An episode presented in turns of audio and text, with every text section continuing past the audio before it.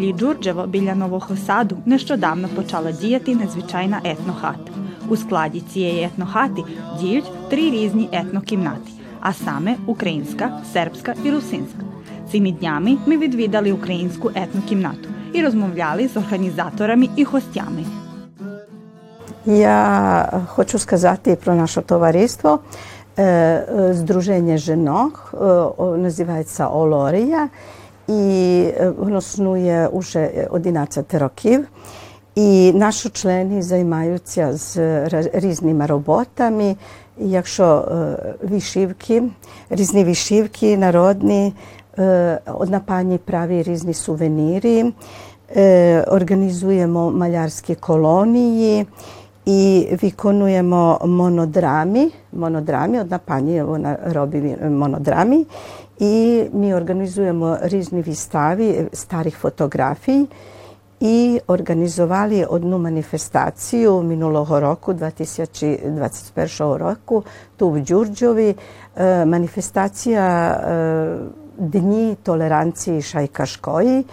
І в тій маніфестації мали участь і другі товариства, з котрими ми співпрацюємо. Тут була шпівацька група Василій з Джурджова і хор пасторала з Ожаблю. А za to tu našu hatu, для tej нашої хати старої, я можу сказати, що ми її купили минулого року. І тут було багато роботи. Мусили, ми зорганізували і допомагали члени нашого друження на, на реставрації самої хати, щоб вона виглядала як, так, як тепер виглядає. Значить, trebalo tu pošpakovati muri, pokrasila zo muri zo s tima farbami, kraskami. I to ja uglavnom sama robila z ohľadom, že ja ne prava maljarka, ale ja tak zadumala, так задумала, щоб я то сама могла поробити. Я то так поробила, якщо то тепер виглядає. Було тут багато роботи, кілька місяців. І ми тут мали роботи потім і на двіре, але углавном ту нука в хатах я велю роботи зробила і сама. Ви можете бачити тепер знаходяться pić, derevjana lavka, rizni, rizni partki, plahti, костюми українські і все то, що що характер бабки з костюмами, і все то, що, що цікаво за за, українські, за українську націю. То часто їхаємо на Україну, мій муж і я, і ми любимо проводити на українських фестивалах. на лемковських ватрах, на зимній воді, прилівове. На монастирську ми їхали, то було давно на монастирську на фестивалі. І ми там маємо багато знайомих людях, котрі приходять і тут до нас, до Сербії, до Джурджова. І з оглядом, що тепер то та пандемія вже два роки не могло тільки їх багато prijehati tu do nas, ale e, ljutom sme mali gostej, kotri, e, kotri e, rado prihoda do nas do Srbiji, budu našo gosti i im, im spodoba je se tak posmotriti što ja robim i eto ta stara etno hata i oni zadovoljni što ja tak eto zrobila tu, tu hatu. Хати, до Джурджова, до Сербії часто е, приїжджають і гості, е, якщо я сказала, з України, але і українці з Словаччини, з Польщі, з Чехії. І вони е, радо розглядають хату і двір коло хати, і вони е, люблять до нас часто їхати. Значну допомогу у створенні цієї етногати надав Богдан Віславський, голова Союзу русинів українців. Ja з аматоризмом почав займатися 1965 року як танцюрист культурно-освітного товариства Святозар Маркович з Нового Саду. І там була дуже добра школа. І дякуючи тому, я потім в товаристві Русинському Новосадському почав танцювати, потім з молодіжною групою робити старшими і так далі. І е, там е, побачив і цікавила мене е, е, культура і е, одяг, музика, етнографія і так далі. І е, почали ми тоді співпрацювати з українськими ансамблями і організаціями Словаччини е, Польщі, а після 1990 року з ансамблями і групами з України.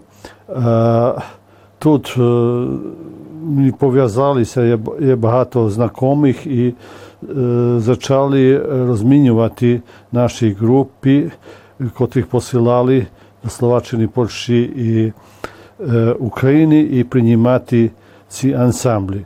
Тепер стараємося тут, щоб були присутні і наші жінки, значить, об'єднання Олорія, щоб була присутня, так що і вони приходять, йдуть з нами на фестивалі, там мають свою програму і допомагають нам тут, як прийдуть гості.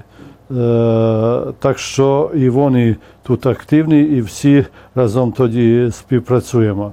Значить, тут включено багато ансамблів, між іншими товариство з Індії, Каліна, потім Карпати з Вербасу, потім Дом культури з Руського Керестура, Жатва з Коцура, культурно-освітне товариство Тарас Шевченко з Джурджова і так далі, і так далі.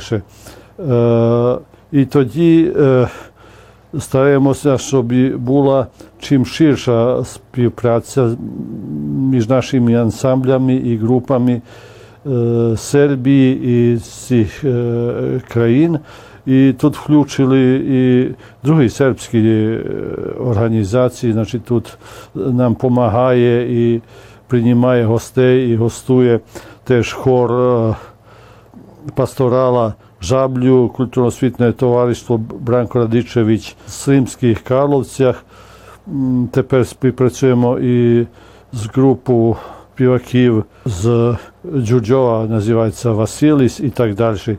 Так що дуже-дуже широка співпраця, а між іншими співпрацюємо і пов'язуємо органи самоврядування Словаччини, Польщі і України тут з нашими в Сербії з Вербасом, з Індією, Жаблєм і так далі. Так що дуже-дуже широка співпраця. І значить, тут включаємо і е, наші другі об'єднання, котрі тут можуть допомагати коло того.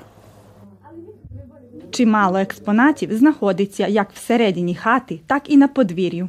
Експонати відображають життя і побут нашого народу та традиційний народний одяг. Udruženja žena od samog osnivanja, znači već 11 godina. Recite mi vašu ulogu u ovom društvu i nešto malo više o tome šta vi radite. Pa eto, ovaj, vrlo sam aktivna što se tiče ručnih radova. Tu sam baš onako, e, radim od ručnih radova sve. Kao što možete da vidite i vezem, i štrikam, i heklam, i dekupaž, i, i svašta nešto zaista radim. Idem na razne izložbe. Mi smo se nekad u udruženju žena bavili ranije, sad je to korona malo sve poremetila, bavili smo se i glumom malo. Pa smo imali i predstave neke i gostovanje razna u raznim mestima. Ja sam čak išla u Ukrajinu na festival Lemkinska vatra. Ovaj, sa svojim performansom učestvovala na festivalu, što je bilo jako lepo i nezaboravno. Volela bi još uvek da odem, bar, bar još jednom da odem, i oni dolaze ovamo i jako je to lepo ovaj, druženje i saradnja i pored svih ručnih radova kao što je štrikanje, heklanje, dekupaž i te stvari radim ovaj, dosta stvari uh, od reciklažnog materijala. Na primjer, uh, koristim tegle, flaše, uh, karton od kartona, recimo pravim korpice, mislim ovo ne bi niko rekao da je karton, jel? Ovaj, i, i koristim i plastiku, dosta nemam ovde baš sve ovaj, izloženo, ali mnogo toga koristim od reciklaže, od starih farmerica pravim torbe i tako neke novčanike, neke sitnice koje mogu da se koriste ponovo. Час рекою пливе, Українське культурно-мистецьке товариство Калина з Індії вже чимало років тісно співпрацює з товариством Жджурджева. Їх пов'язують чисельні виступи на різних маніфестаціях, як в наших місцевостях, так і в Україні. марне очі трудив, та впізнати тебе було важко. Мені дуже приємно, що ми маємо можливість співпрацювати з Леоною і з Богданом. Чому? Бо як ми почали працювати, ми дуже слабо їхали е, за кордон. Богдан дуже мав багато зв'язків за кордоном. Тоді ми почали їхати і до Словаччини, і до Польщі, і до України, і так далі. І хочу щиро подякувати, що вони нам допомагають, що ми можемо і нашим товариством е, їхати за кордоном. Там дуже прекрасні враження мали, дуже гарні виступи і так далі. Як я малим збирався навесні піти у світ незнаними шляхами. Сорочку мати вишила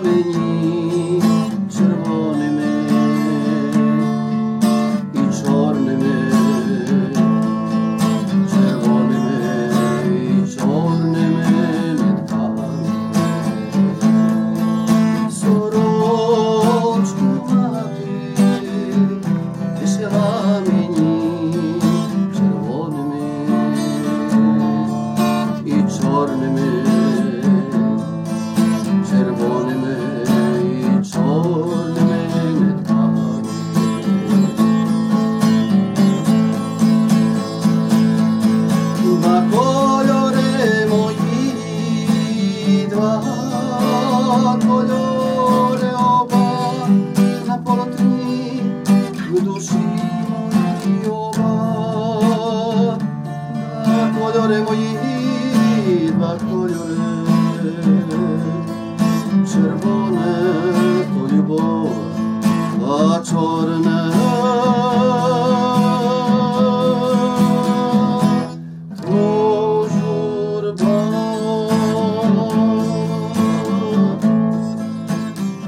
Незважаючи, що етнохата не так давно почала діяти, її відвідали чисельні гості, а організатори сподіваються, що в майбутньому експонатами зацікавиться і молодь.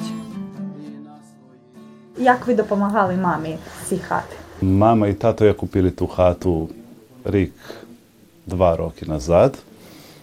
Tu було запущено було харязне, дуже брудне, було багато мусору. I brat i ja rešili pomohti mami, što bi se troški remontovala, pokrasila, pošpakljovala. Cale ljeto mi tu pomahali. Ja nas divaju se što zaraz зараз виглядає трошки краще, якщо було. До нас приходило не багато гостей, але заїжджало так. І з іноземству приходили теж з Ізраїля, приходили гості з України теж, з Дрогобича, з Острію. Приходили з Канади. І не здиваємося, що ще буду приїжджати. А чи молодь, як і вас, е, цікавить ця тема? Чи приходять молоді люди тут е, з Нового Саду, з Джурджева, чи приходять тут бачити все це? І що вони кажуть про, якщо приходять, що вони кажуть про все це? Та слабо. Це цікаво старшим, які жили у таких хатах, у таких домиках. Молоді більше зацікавлені про комп'ютери, про інтернет. Про... Ну, ми надіваємося наші діти і внуки, щоб не забули про історію, про Україну, про Тараса Шевченка. Ми скільки можемо допомогти їм, ми поможемо. Етнохата є прекрасним способом, щоб зібрати на одному місці та зберегти від забуття народну культуру, звичаї та предмети народного побуту і рукоділля.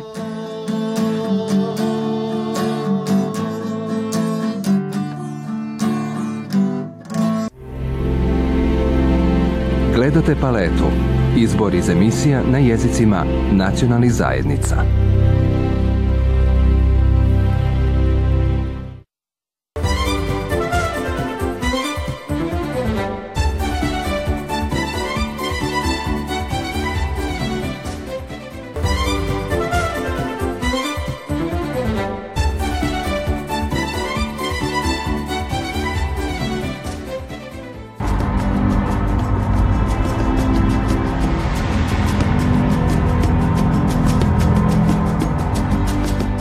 Сьогодні ми тут зібралися для того, щоб вдосконалити тему народна кухня е, на практиці і підготувати пироги. На сьогоднішньому уроці діти ми е, будемо готувати е, найвідоміше, найвідомішу національну страву пироги. Ми знаємо, що пироги можемо робити з картоплею, з капустою, з маком, з вишнями і також з багато е, різними начинками.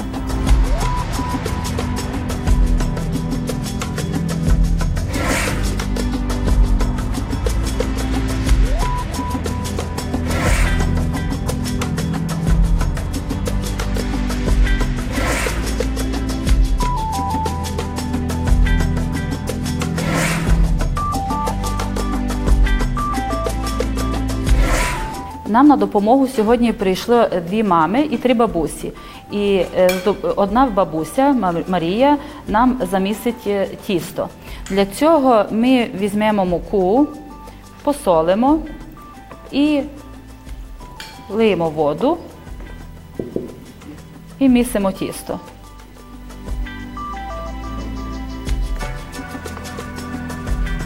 Найкраще муку просіяти для того, щоб е, мука пройшла киснем і е, пироги були м'якші. А також найкраще ще взяти теплу воду, теж для того, щоб пироги були м'якші.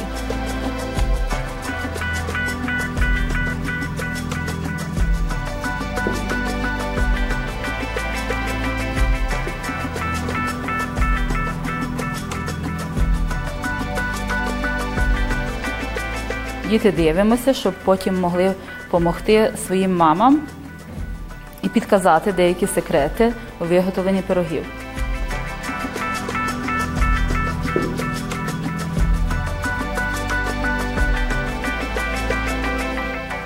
Е, Тісто е, вже має відповідну густину, а також відлипає від рук і вже готове.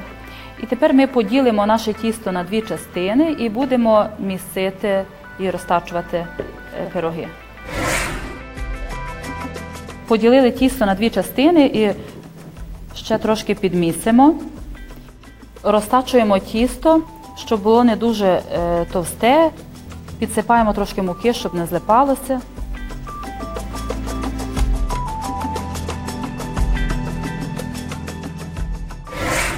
Тісто ми розтачали, тісто треба, е, щоб було 2-3 мм завтовшки. І тепер будемо стаканом виробляти круги.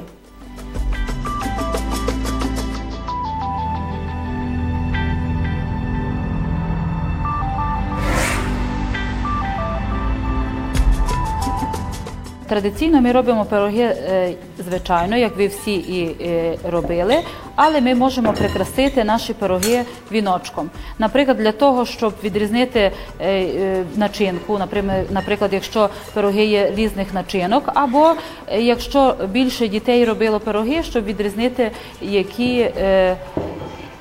хто які пироги зробив. І тепер я покажу, як робимо віночок.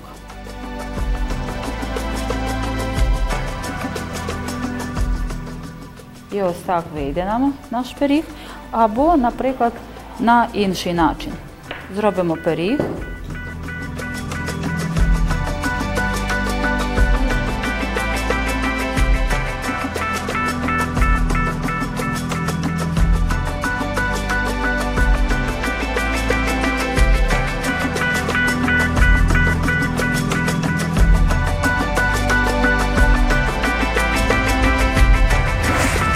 Наша вода закипіла, діти, і тепер будемо кидати пироги у воду, щоб зварилися. Поможете мені? Але не здалека, щоб не спекли руку. Так. Близько. Молодці.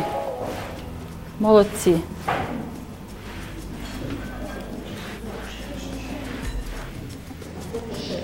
Тепер перемішаємо і покриємо наші пироги. Перемішай. Так кругом. Перемішаємо, щоб наші пироги не злиплися.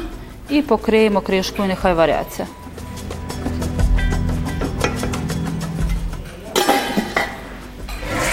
Наші пироги закипіли, піднялися доверху і тепер можемо витягувати.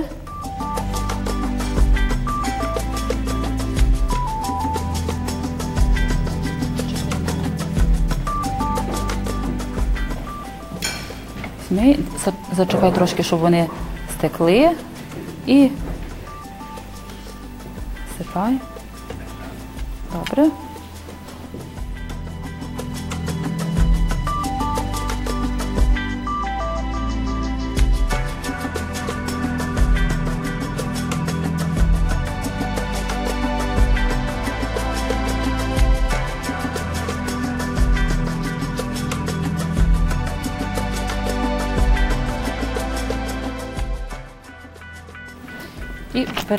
Перемішаємо.